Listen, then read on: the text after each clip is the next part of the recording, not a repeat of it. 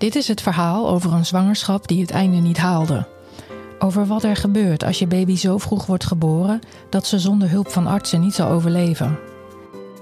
Het gaat over de baby's die vechten voor hun leven en over de ouders die zich staande moeten houden in alle emoties. Over verwachtingen die niet uitkomen en over de periode erna. Podcast Prematuur gaat over de helden van het eerste uur. Ik ben Vanessa. Welkom bij Podcast Prematuur.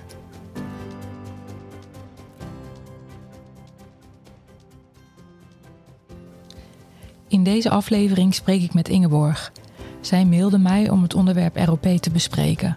Haar dochtertje is met 27 weken geboren en ontwikkelde onder andere ROP. Het staat voor retinopathie of prematurity. Een oogaandoening die vooral voorkomt bij extreem prematuren.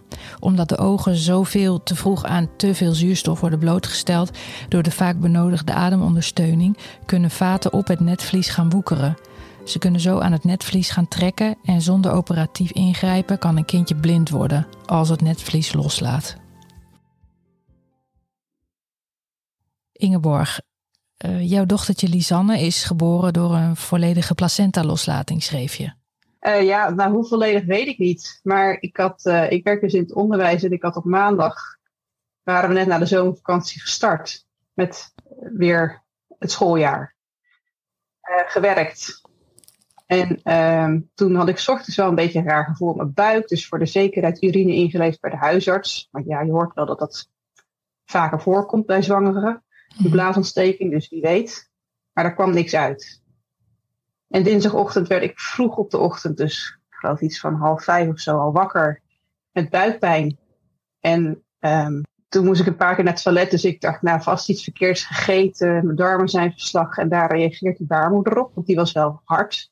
En gewacht tot het rest in huis ook wakker werd. En toen uh, rond zeven uur onder de douche gestapt met het idee van, nou, we gaan gewoon beginnen. Maar onder de douche voelde ik dat het niet lekker ging. Toen eronder vandaan kwam, zei ik tegen mijn man, voelt niet goed. Ik geloof dat ik daar toch het ziekenhuis ga bellen. Met nog het idee om te wachten tot ze echt helemaal geopend zijn daar. Maar toen toch iets na half acht het ziekenhuis gebeld. Die zei, nou kom maar langs voor de zekerheid. Ik was door de eerdere zwangerschap al medisch, dus ik liep al in het ziekenhuis. Um, waardoor ik gelijk daar kon komen. We waren vroeg klaar die ochtend, dus konden man en oudste dochter mij om kwart over acht bij het ziekenhuis afzetten. Waar ik zelf naar binnen liep. Toen zei ik tegen mijn man, ga maar gewoon naar je werk. Ik app wel als ik meer weet. En hij zei, nee, ik kom wel terug. Dus hij bracht de dochter naar school en kwam terug naar het ziekenhuis. Gelukkig. Mm. Want uh, hij was er rond negen uur. Om kwart over negen liep ik naar de echokamer. Voelde ik me echt inmiddels flink beroerd. En toen probeerde ze een echo te maken. Uh, maar was de hartslag heel laag. Flink gezakt. En ook met alle trucjes die ze uitprobeerde werd het niet anders. Gynaecoloog opgepiept. Kreeg nog iets ingespoten tegen de harde buik. En zei ze van nou we gaan nu een spoedkeizersnee uitvoeren, want het is niet goed. Ja. Dus toen ging het echt heel hard. Hmm. En uh, wij realiseerden ons nog niet echt wat er gebeurde. We hadden de avond ervoor nog over namen gepraat.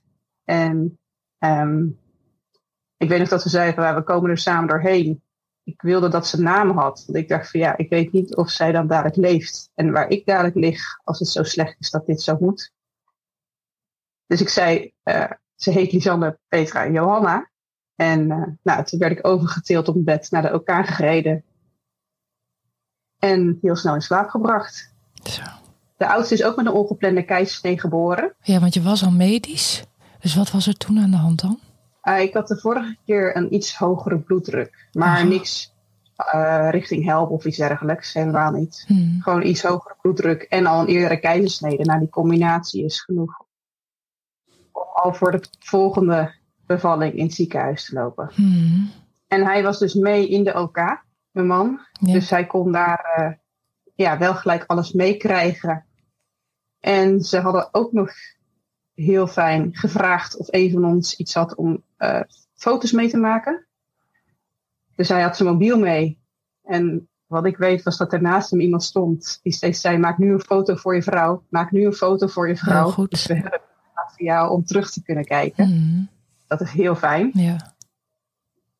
En Lisanne kwam, uh, ja, ik heb het allemaal natuurlijk niet meegekregen, maar hij is uh, bij Lisanne gebleven nadat zij geboren is. En het was in een streekziekenhuis, want ja, het ging dus allemaal heel rap. Dus er was geen tijd om nog naar een uh, ander ziekenhuis te gaan. Um, daar waren wel meerdere mensen die uh, ervaring hebben met prematuren, gelukkig. Mm. En ze hebben meteen contact gezocht met Leiden, die gelijk zo'n uh, babyambulance opstuurde. Mm. Um, na de geboorte weet ik de details niet echt, maar uh, ze hebben, ja, ik heb zo'n filmpje gezien dat ze meteen in zijn zak zat en uh, mm. een kapje op de mond en uh, geholpen werd met ademhalen. Ze hebben er ook in Delft dan al geïntubeerd. En toen is ze snel naar Leiden gebracht. Waarbij ze wel nog, voordat ze in de ambulance ging, eventjes mij van de uitslaapkamer hebben gehaald. Zodat ik langs de couveuse werd gereden op de gang. Mm. Ik weet dat het gebeurd is, maar heb er geen herinnering aan verder. Mm. Wat was de eerste herinnering voor jou? Ik weet, ik weet dat ik wakker werd op de uitslaapkamer. En dat er iemand naar me toe kwam en uh, zei gefeliciteerd met je dochter en hoe heet ze? Nou, gelukkig had ik zelf de knoop doorgehakt over de naam vlak voordat ik in slaap werd gebracht. Mm. Dus daar kon ik antwoord op geven. En kwam mijn man ook eventjes daar bij de uitslaapkamer. Um, en wat ik me vooral herinner is dat ik het lange wachten. Lisanne ging dus naar Leiden en ik, ja, dat kan ik me dus niet meer herinneren dat we langs elkaar zijn gereden. Um, nog te tuf van de narcose. Mm. En um, toen lagen wij op zo'n zo'n zaaltje waar je normaal bevalt en je kindje dan ligt, zeg maar. Te wachten en te wachten. En ik weet dat we nog gezegd hebben van nou, als het niet goed zit, als ze het niet heeft gehaald, dan we het nu vast wel gehoord. Ja. Smiddags rond een uur of vier mocht ik er dan met de ambulance gelukkig ook achteraan. Toen zijn we s'avonds nog wel daarheen gegaan. Maar kan ik me ook niet meer echt herinneren. Die eerste dag is gewoon een waas. Mm. Ik weet wel dat we eind van de middag zeiden van nou, um, mijn man die ging eerst naar huis toe om Marleen, onze oudste dochter, op te halen van de BSO. Want die was er alleen maar bij s ochtends met het wegbrengen naar het ziekenhuis. En toen zei ze nog van, komt de baby dan vandaag? Hm. En wij zeiden, nou, we hopen het niet. Maar zij zegt nu nog steeds vol trots, ik wist het, ik had het goed. Ja. ja. ja. En uh, mijn man is naar haar toe gegaan om te zeggen dat ze inderdaad een zusje had. Hm. We wilden dat ze het van ons hoorden en niet van een vreemde. Mm.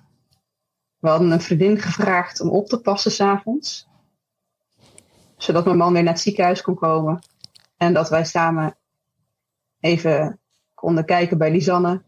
En uh, familie opbellen. Om te Mhm. zeggen wat er uh, was gebeurd. Ja. Toen, toen, toen, toen waren jullie dus in Leiden. En, en hoe ging dat dan? Hoe ging dat met haar? Want ze was ook al gelijk geïntubeerd, zei je. Ze lag aan de beademing. Ja, ja Lisanne die had natuurlijk... En er was geen tijd voor longrijping of wat dan ook. Nee. Het is überhaupt fijn dat ik achteraf gezien al medisch was en zo snel naar het ziekenhuis toe kon. Um, want de placenta bleek los te laten, maar zonder bloedverlies. Mm. En dat komt niet vaak voor. Wat ik dan weer heb gehoord. Um, gynaecoloog kwam achteraf na de operatie ook nog langs om te vragen of ik echt geen bloed had verloren. Nou, dat was niet zo. Nee. Er zat wel een uh, hoeveelheid gestold bloed in de uh, baarmoeder. En um, ja, Lisanne die moest dus inderdaad aan de beademing. En alle andere standaard slangetjes, zeg maar, Mm. die erin gaan natuurlijk via de navel. Um, ze vroegen in Delft al wel van, uh, wil je borstvoeding geven? En toen zei ik van, nou, ja, maar dat zal nu wel niet meer kunnen. Waarop ze zei, nou juist wel. Dus daar kwam het kolfapparaat binnengereden. Ja. Voordat je het echt door hebt, zit je de eerste keer te kolven. Ja. Waar uh, twee of drie druppels uitkwamen. Dat ik zei, spoel maar weg. En dat ze zei, nee, dat nee, is goud waard. Ja. ja. Dus dat hebben we meegenomen naar Leiden. En ieder baby heeft een eigen kamer. En uh, dat kamertje hebben we heel goed leren kennen. Ze is op dinsdag geboren. Woensdag werd ik al wel met bed en al daarheen gereden en mocht ik al eventjes buidelen. Het was mooi, maar het was ook heel onwendig, omdat er zoveel dingen aan en op haar zaten waarvan ik niet wist wat het was, wat het deed en waarom het er zat. En wel dat zij heel kwetsbaar is. En dat was dan het eerste echte contact dat ik me ook herinner. Mhm. En sindsdien hebben we vrijwel elke dag uh, gebuideld, in ieder geval dat het kon. Vrijdag ging ik naar huis toe.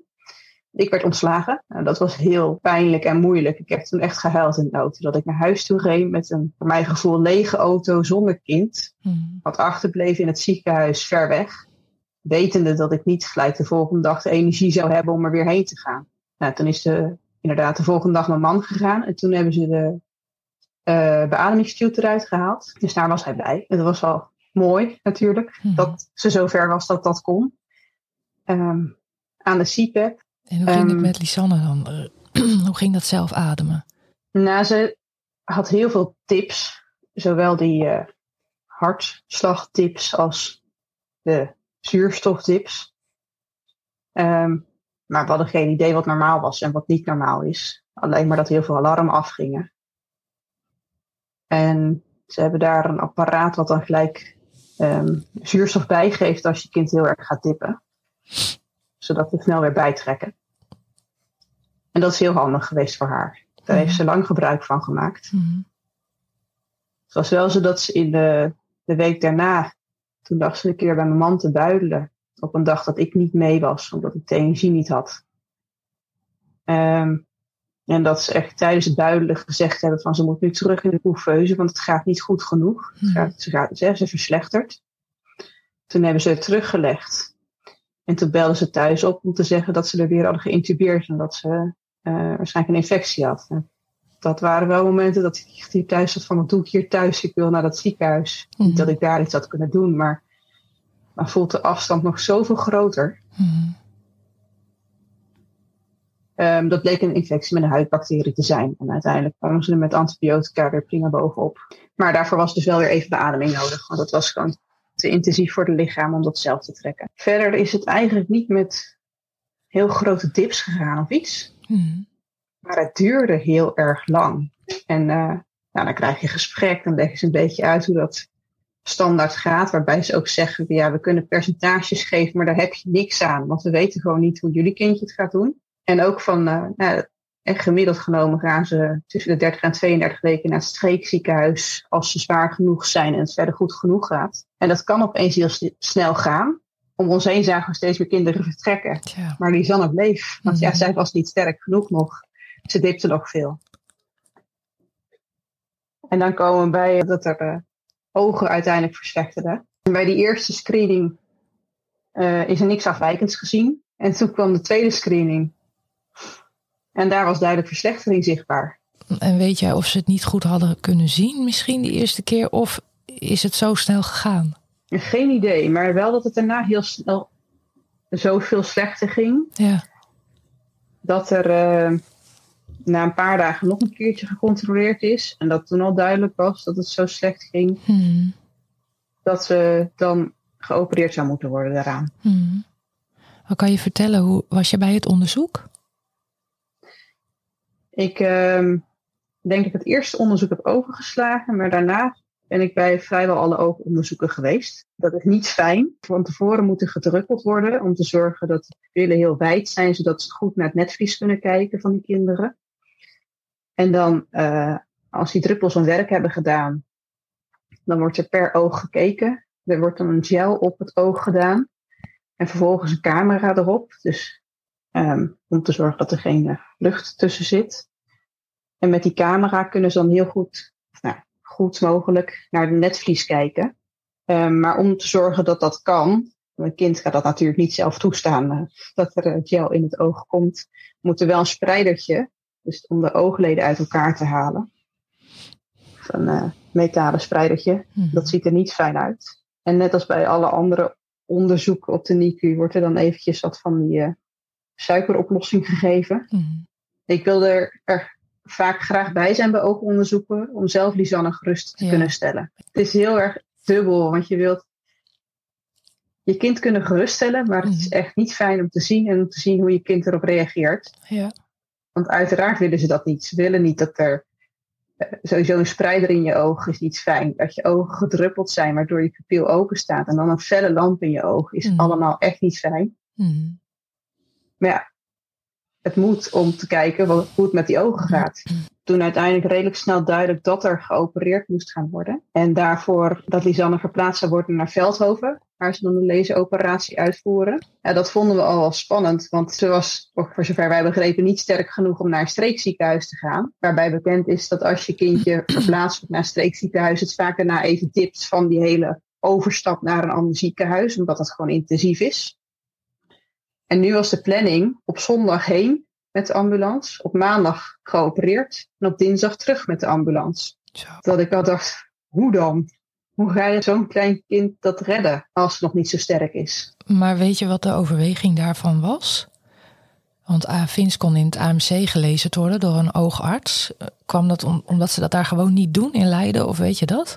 Wat ik begrepen is inderdaad dat ze het daar niet doen. Er zit daar een, in Leiden een uh, professor die uh, kennen we inmiddels aardig goed, want die controleert nog steeds uh, Lisanne's ogen. Oké. Okay. Um, en zij is er dus uh, al vanaf bijna het begin bij betrokken geweest. Um, die overlegt heel veel met arts in Veldhoven, die dan de leesoperatie uitvoert. Dus stuurt ook de beelden op. En, maar dat zij dat daar niet doen en dan wel de leesoperatie in Veldhoven. En totdat jij het zei dat Vince in uh, Amsterdam is gelezen, wist ik ook niet dat er elders gelezen wordt. Ja. Maar uiteindelijk werd het wel op zondag heen met de ambulance. En ik moet zeggen, in Veldhoven heb ik niet direct aan Lisanne iets gemerkt. Ja, ze was vermoeid, dat lijkt me logisch. Maar niet dat ze daar opeens gigantisch ging dippen of zo. Toen uh, sliep ik uiteindelijk bij Lisanne op de kamer. Ik was heel zenuwachtig voor de operatie. Hmm. En toen, ja, toen ging ik natuurlijk naar de operatie. En dan zit je daar te wachten. Ik mocht mee met wegbrengen. Um, dat was heel fijn. Dus we liepen naar de OK en daar was een sluis met even een korte kennismaking, zeg maar, met de arts die de operatie zou uitvoeren. En toen gingen we dan naar de OK en toen heb ik daar zitten wachten en wachten. En toen was ze terug. Maar ja, toen lag ze aan de beademing helemaal stil en met dikke ogen. Hmm. Dus kun je nog heel weinig. Je ziet je kind gelukkig weer, dus je kunt ernaast zitten. Dat is heel fijn. En toen kwam de ja, lastigste tijd stuk van al die tijd wat ik heb meegemaakt. Dat ze soms wakker werd, maar dan, ik denk, zoveel pijn heeft gehad dat ze zich helemaal ging overstrekken. Want die beademingstube die moet er op een gegeven moment uit. Na 24 uur hebben ze toen toch besloten om hem eruit te halen, te kijken wat ze doet. Dus alles was in gereedheid gebracht om zo nodig te kunnen ingrijpen. Maar dat was heel, heel spannend om daarbij te zijn. Hmm. Het is uiteindelijk gelukt om, er van de beademing af te halen daar. En uiteindelijk mocht ze donderdag terug naar Leiden toe aan de CPAP. En toen uh, dachten we, nou nu is het klaar. Hè? Ze is geopereerd. Hmm. Maar ja, dan volgt een volgend onderzoek. En de ene keer zit er wat verbetering en dan weer verslechtering. En wordt er gesproken over misschien toch nog een operatie. En zo gaat het maar door en nog weer een keer een bloedtransfusie. En dat sloopt ook mm. al die onzekerheid daaromheen. En misschien nog een operatie, terwijl ik juist van de eerste keer al helemaal uh, zelf gesloopt was. In die zin. Het heeft heel veel energie gekost. Er is gezegd van nou, op een gegeven moment, omdat ze zo lang zuurstofondersteuning nodig had, van uh, ze is uh, BPD inderdaad. Staat ook in de papieren. Um, en hoe langer het bleef duren allemaal, en omdat er ook, doordat het uh, zo'n moeilijk evenwicht was tussen zuurstof goed houden, maar toch ook een kind wat groter wordt en wat zelf bijvoorbeeld wil gaan proberen te drinken, moesten er steeds keuzes gemaakt worden. En als zij iedere keer, uh, als ze even iets had gedronken, gingen ze daarna weer veel meer dippen, wat weer slecht was voor de ogen. Ja, wat doe je dan? Ga je dan een kind leren Geef je er dan een flesje om te leren drinken? Of kies je toch voor die ogen? Hmm. Zodat die hopelijk uiteindelijk wat zicht opleveren. Nadat we inmiddels uh, ver voorbij de 32 weken waren, dat nog duidelijk zijn. Dus ze werd uh, daar wel een van de oudste kinderen op de NICU. En ook de grootste. Dus ze kreeg natuurlijk uh, eerst een grotere couveuse, gaat open, warmtebedje. Uiteindelijk was het een gewoon kinderbedje op de NICU. Zo. Ehm, en hebben we ook de babyfoon van thuis meegenomen, zodat ze alvast aan die muziekjes kon wennen. Niet wetende of ze iets kon zien, hing er ook al speelgoed boven haar hoofd. Een, uh, een wipstoel zelfs, zodat ze soms even iets anders had. Want ja, ze heeft zelfs uh, uh, de uitgerekende datum lag ze nog steeds op de NICU. Dus dan heb je een gewoon aterm kind qua proportie. Maar wat het nog niet aan kan, zeg maar. Ze mocht met 38 weken uiteindelijk naar de flow. Dus die CPAP heeft ze heel lang nodig gehad. Als ondersteuning. Maar gelukkig uiteindelijk naar de flow. Nou, dat was voor haar ook een opluchting. Want ja, wat ik zeg, ze was inmiddels zo groot. Dus ze wist ook heel goed hoe ze dingen van de gezicht af kon proberen te trekken. En uh, noem maar op. Uh, zonneslangen eruit. Die dingen van de neus af proberen te peuteren. Je eigen wil komt er wel. En die kinderen zijn al heel erg sterk in doorzettingsvermogen, dus ook hierin. En toen ook de flow beter ging en, en uh, minder vaak oogonderzoeken nodig waren, kon ze gelukkig met 42 weken naar het streekziekenhuis. En was wel het vooruitzicht eigenlijk van nou, goed mogelijk dat ze met zonde en zuurstof naar huis toe gaat komen. Dus daar ga je langzaam op instellen. En hebben we ook gevraagd, ja, denken jullie dat ze nog uh, voor de jaarwisseling thuiskomt? Nee, dat verwachten we niet. Dus ook daar stel je op in. Dan duurt het maar langer. Hm. We gaan door. Maar uiteindelijk, uh, vlak na de kerst, toen uh, was ja, de monitor kan eraf, de flow kan eraf. Ja, als jullie willen, kan ze mee naar huis. Zo. Dus dat was toch nog veel sneller dan dat we hadden verwacht. Hm. En zonder zuurstof. Met alleen zondevoeding. Ja. Mee naar huis. Ja, hoe was dat? Het is heel raar thuiskomen. Uh, ik heb dus ook geen, behalve dan de nachten in Veldhoven, verder geen nacht met haar in het ziekenhuis gehad voor ze thuis kwam. Tja. Oh, niet die 24 uur.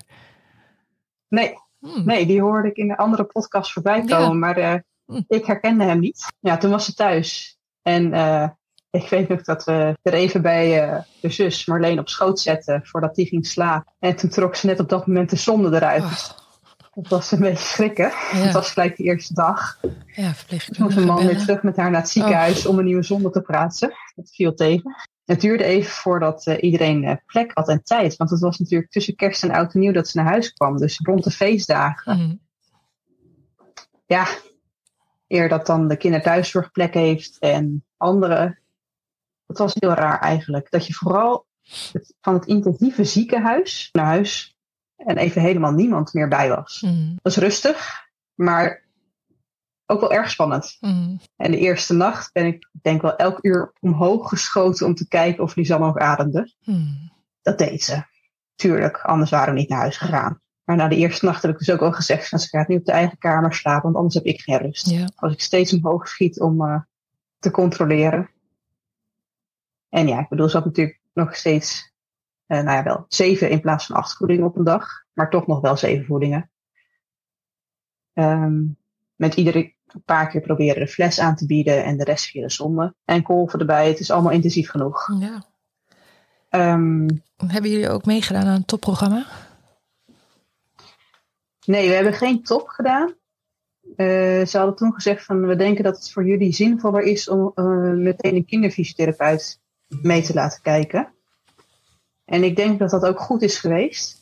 Lisanne had een heel erg voorkeursligging en een afgeplat hoofd. De fysiotherapeut die meekeek, die heeft bijvoorbeeld daar ook al heel erg in kunnen begeleiden aan het begin. Want ja, hoe ga je een kind wat weinig ziet? Ja, wel licht en donker, dat, dat wisten dat ze daarop reageerden. Dus er was zicht behouden gebleven. Uh, maar verder was het nog zwaar onduidelijk wat er aan zicht zou zijn. Hoe ga je haar triggeren om op die kant te liggen waar ze niet op wil liggen? Met geluid of met licht. We hebben mee gespeeld. De bed anders neergezet. Uh, kussens in de rug. En uiteindelijk is het gelukt dat ze gewoon netjes rond hoofd heeft. En geen afgeplat hoofd. Ja, en toen trok dat bij. En toen uh, uh, begon ze steeds meer te spugen. Ja. Maar ja, ook daarin, je leest veel meer dat kinderen met zondevoeding veel spugen. Dus wat is veel en wat is nog acceptabel normaal met zondevoeding?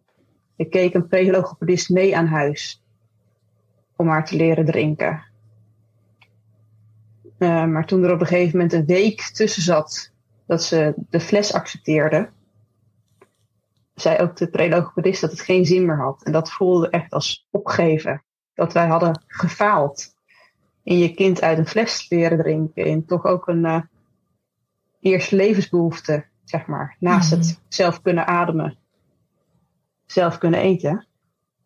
Uh, gestopt met de fles. En dat spugen, dat bleef en het uh, nam alleen maar toe tot ze iedere keer uh, bijna ja, huilend, schreeuwend van de pijn zaten er zondevoeding te geven. En dat meerdere keren per dag. Um, nou, het heeft een tijd geduurd en wat onderzoeken. Niet duidelijk één ding uitgekomen, maar in ieder geval extreme reflux en projectielbraken. Want dat kwam er echt met een golfkracht eruit. Vreselijk. We hebben gezegd van we gaan er alleen nog maar voeden op haar eigen slaapkamer. Daar mag ze alles onderspugen. Oh. En de rest van het huis blijft dan een beetje. Ja, dat klinkt heel suf. Nee, maar, de rest van het huis klinkt en blijft dan nog wat schoon. Want er kwam een keer uh, iemand langs om die RS-klik uh, te geven, zeg maar. En uh, toen had ze nog enigszins kort daarvoor voeding gehad. Dus, ik, dus was uh, gewogen, een prik gehad en ik teelde erop. En toen van kwam er weer zo'n golf. Nou, die vloog tegen de piano, tegen het behang, op de vloer. Dit willen we niet vaker hebben. Oh. Um, ja, ze hebben ook nog onderzoeken gedaan om te kijken of alles van binnen bij maag en darmen zit. Of daar niet iets fout zat. Maar daar kwam niks uit. Verschillende soorten zondervoeding geprobeerd. En uiteindelijk, ruim na de eerste verjaardag, werd het gelukkig minder. Ja, toch misschien eroverheen groeien of dat het mm. allemaal settled beter wordt. En ondertussen liepen de ogen ook nog door. Um, want er was gezegd, nou, we verwachten dat je dan na drie maanden ongeveer jullie gaat aankijken. Maar dat deed ze niet. Aha. Ze keek wel naar lichtjes. En daar werd ze op een gegeven moment ook vrolijk van, van lampjes. Ze lachte naar lampjes, maar niet naar ons. Dus dat maakt het ook wel lastig om ouder te zijn. Want je hebt heel erg die verzorgende taak die je sowieso hebt bij een baby. Alleen, ja, ze lachte niet naar ons. En het enige wat wij voor mijn gevoel moesten doen, was haar voeding geven wat pijn gaf. Of zonde slangetjes vervangen, of nou, noem maar op. Um, en toen heeft ook later de oogarts nog gezegd, van, ja, misschien zit er toch ook in de hersenen iets verkeerd, dat ze daarom niks doet met wat voor ons volgens het netvlies wel zou moeten kunnen. En was er nog sprake van nog weer een operatie, die haar dan misschien zou kunnen helpen aan de ogen omdat de zondevoeding zo lang bleef, wat, werd er ook gesproken over het uh, plaatsen van een uh, pechzonde in plaats van een neusmaagzonde. Ja. Uiteindelijk zijn allebei niet nodig gebleken. Oké, mooi. Uh, we hebben ervoor gekozen om die neusmaagzonde langer te laten zitten.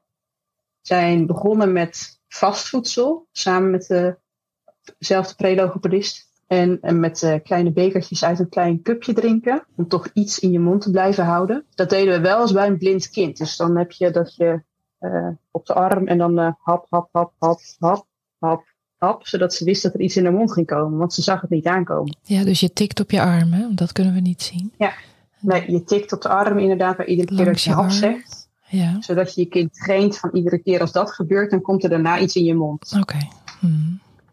En dat waren dan kleine stukjes maispuff, die smelt ongeveer op je tong. Dus zij heeft uiteindelijk leren eten via vast voedsel. En daarna mm pas weer het drinken opgepakt. En met dat ze zelf ging eten en drinken, leek ook de verdere ontwikkeling beter op gang te komen. En is ze ook meer gaan zien. Hm. En merkte op een gegeven moment um, dat ze meer zag dan alleen maar licht en donker. Dat ze ook dingen voor de neus begon waar te nemen op korte afstand. Hm. De hele ontwikkeling kwam op gang. Dat was vertraagd. Maar hij kwam. En sinds de zon eruit is, gaat het alleen nog maar harder. Vijf dagen nadat de zon eruit was, zetten ze de eerste losse stapjes. En dat alles voor de tweede verjaardag. Hoe verklaar jij dit zelf? Wat ik denk is dat haar lichaam zoveel moeite heeft gehad om eten te verwerken, dat ze geen energie had om andere dingen te doen. Ook niet de zicht verder te ontwikkelen. En dat het daarom allemaal veel langzamer ging dan dat men verwacht op basis van puur de waarneming van hoe het netvlies is. Of puur over hoe ze verder beweegt en doet. Ze is, even kijken, toen ze ruim één was naar medisch kinderdagverblijf gegaan. Daarvoor zat ze bij een reguliere opvang met kinderthuiszorg die de zondevoeding kwam geven. Maar we zagen dat dat steeds lastiger werd. Dus ze ging naar de medische opvang. Uh, bij een revalidatiecentrum was het ook. Vanaf redelijk vlak na geboorte is ook uh, fysio uh, betrokken bij Lisanne. Om haar en ons te leren hoe ze met het zicht wat ze heeft om te gaan. -hmm. ja, die hebben ook wel dingen ge, ja, geleerd over wat kan je aanbieden. Mijn man is zelf gaan knutselen. Hij is zelf met ledstrepen en dingen gemaakt voor boven de box. In de hm. hoop dat we haar zoveel mogelijk prikkelen om haar zicht te gebruiken. Mm.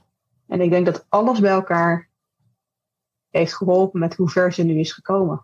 Ze heeft ook uh, leren praten inmiddels. Dat was ook nog de vraag, omdat ze dus die mondspieren zo weinig getraind heeft, omdat ze niet uit een fles echt goed gedronken heeft. Of wat praten op gang zou komen. Nou, dat uh, is gelukt. En hoe? Want ze kletst nu de hele dag door. Oh. Uh, Wat leuk. En uiteindelijk, ja, zo goed. Natuurlijk, ze is slechtziend. En uh, misschien moet er nog wel eens iets gebeuren aan, in de toekomst over hoe ze letters uitspreekt. En het eten en drinken gaat met de gebruiksaanwijzing. Um, en mobiliteit is. Nou, ze loopt achter in mobiliteit, maar ook uh, wat flexibeler en, en bewegelijker en moeilijker op de benen staan dan anders. Mm ook steunzolen erbij. Maar alles bij elkaar gaat het gewoon zo goed dat ze nu net bij de reguliere opvang is gestart. En dat gaat gewoon prima. We zijn heel blij en, en, en trots. En ja, het is gaaf om te zien waar ze is. Ja. Maar je weet niet precies uh, in hoeverre haar zicht. Wat, ja, wat haar zicht is eigenlijk. Nou, nee, ze kunnen dat pas goed testen als een kind acht jaar is, omdat je dan kan oh. vertrouwen op wat een kind zegt dat het waarneemt. Mm. Dus dat gaat nog een tijd duren voordat ze het echt weten. Mm. Maar op basis van wat er nu te zien is in de netvliezen en hoe ze zich uh, we zeggen, gedraagt, mm. um, is het vermoeden nu dat ze met haar ene oog rechts alleen maar licht donker heeft. En uh, voor haar ingewikkelde schitteringen. Want al voor haar eerste verjaardag begon ze haar rechteroog af te dekken met de rechterhand. Om met haar linkeroog beter te kunnen zien. En dat doet ze nog steeds als ze iets beter wil bekijken. En haar linkeroog, daarmee heeft ze zeker behoorlijk wat zicht. Um, want ze, ja, ze ziet ook kruimeltjes liggen. Alleen ze heeft een heel erg kokertje, zoals het is bij kinderen die met ROP geleverd zijn. Mm. En het staat ook niet uh, recht vooruit, zeg maar. Dus je kijkt je ook niet recht aan met haar oog als ze al even kijkt. En haar ogen hebben zo'n nystagmus, dus het beweegt heen en weer. Mm. Dus kijken is intensief. Ik vind het ook moeilijk als zij speelt om te zeggen wat ze met zicht doet en wat ze met geheugen doet of op gevoel. Mm. zijn jullie bijvoorbeeld uh, begonnen met braille leren zelf? Um, nee, op dit moment is. Nee, dat, dat gaat als, dan wordt het pas later ingezet.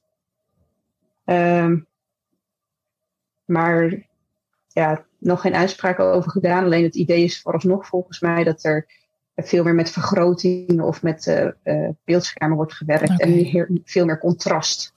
Mm ja. En hopen dat ze op die manier uh, mogelijk gaat leren lezen. En als het dan braille is, ja, dan, dan moet het met braille. Dat, dat gaan we wel merken. Mm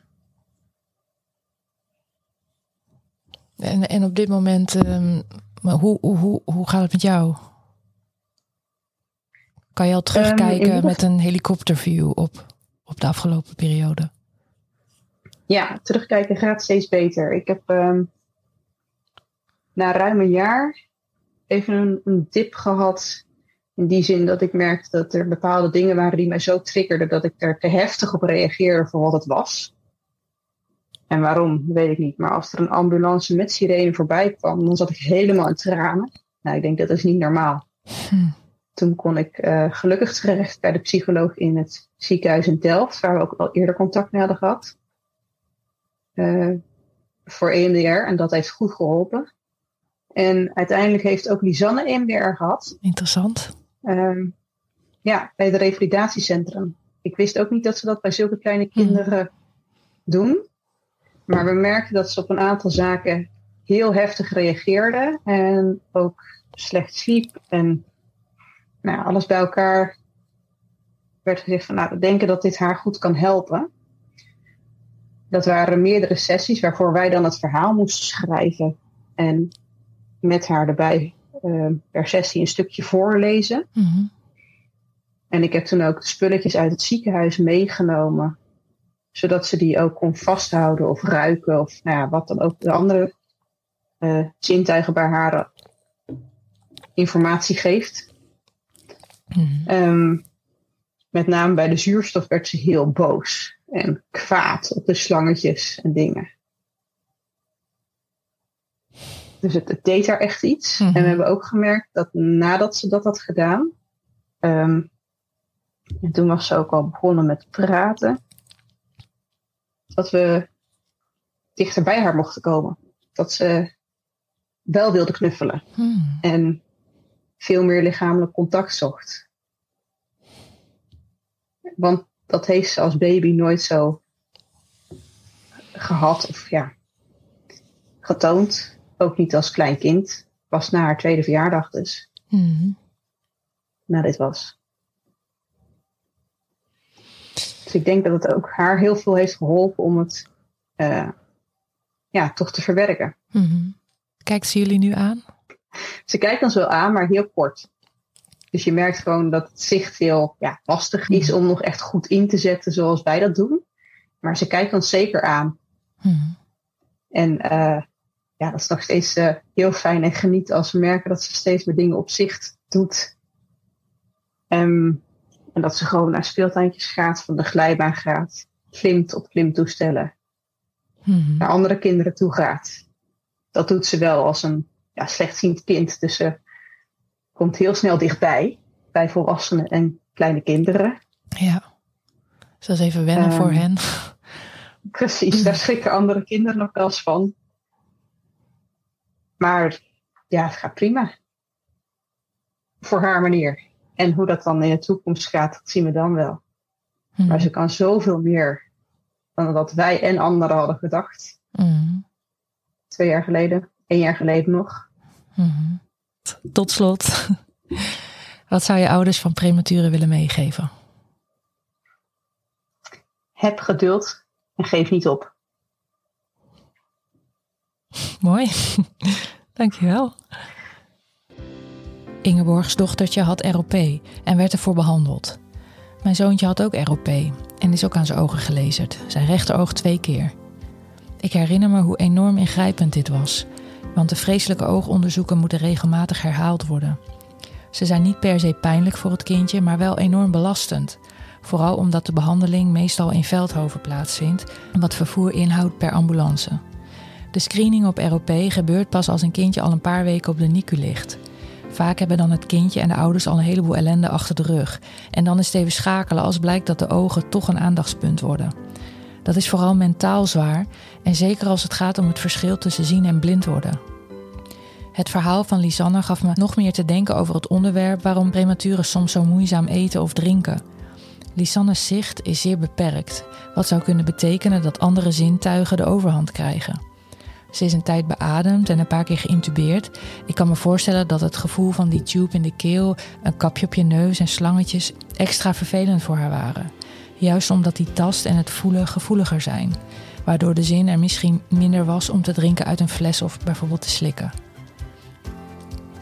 Ik wil iets meer inzoomen op het ziektebeeld ROP. En nou heb ik begrepen dat professor Schalai Delfos uit het LUMC hiervoor de aangewezen persoon is om mee te praten. Dus dat heb ik gedaan.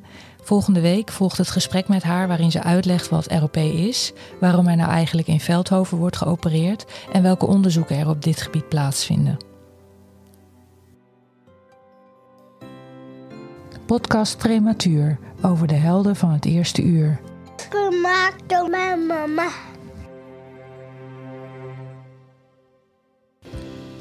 Leuk dat je hebt geluisterd naar deze podcast. Ik weet niet of je zelf moeder of vader bent van een prematuur of op een andere manier betrokken bent, maar heb je iets aan deze aflevering gehad, iets geleerd, iets herkend en denk je dat anderen het ook waardevol zullen vinden? Laat het hen dan weten. Dat geldt natuurlijk ook voor de prematuurpopjes die we maken. Een belangrijk deel van de popjes doneren we namelijk aan het Ronald McDonald Kinderfonds. Wij wilden al vanaf het moment dat we thuis kwamen met Vince iets terugdoen voor dit geweldige fonds. En nu kan iedereen zich daarbij aansluiten door bij ons een op maat met de hand gehaakt geboortepopje van je eigen kindje te bestellen. Ik denk een heel waardevol cadeau om vooral niet te vergeten hoe klein je kleintje het leven startte. Kijk voor meer info even op de website podcastprematuur.nl. Alvast bedankt en natuurlijk hoop ik dat je volgende week weer luistert naar een nieuwe aflevering van Podcast Prematuur.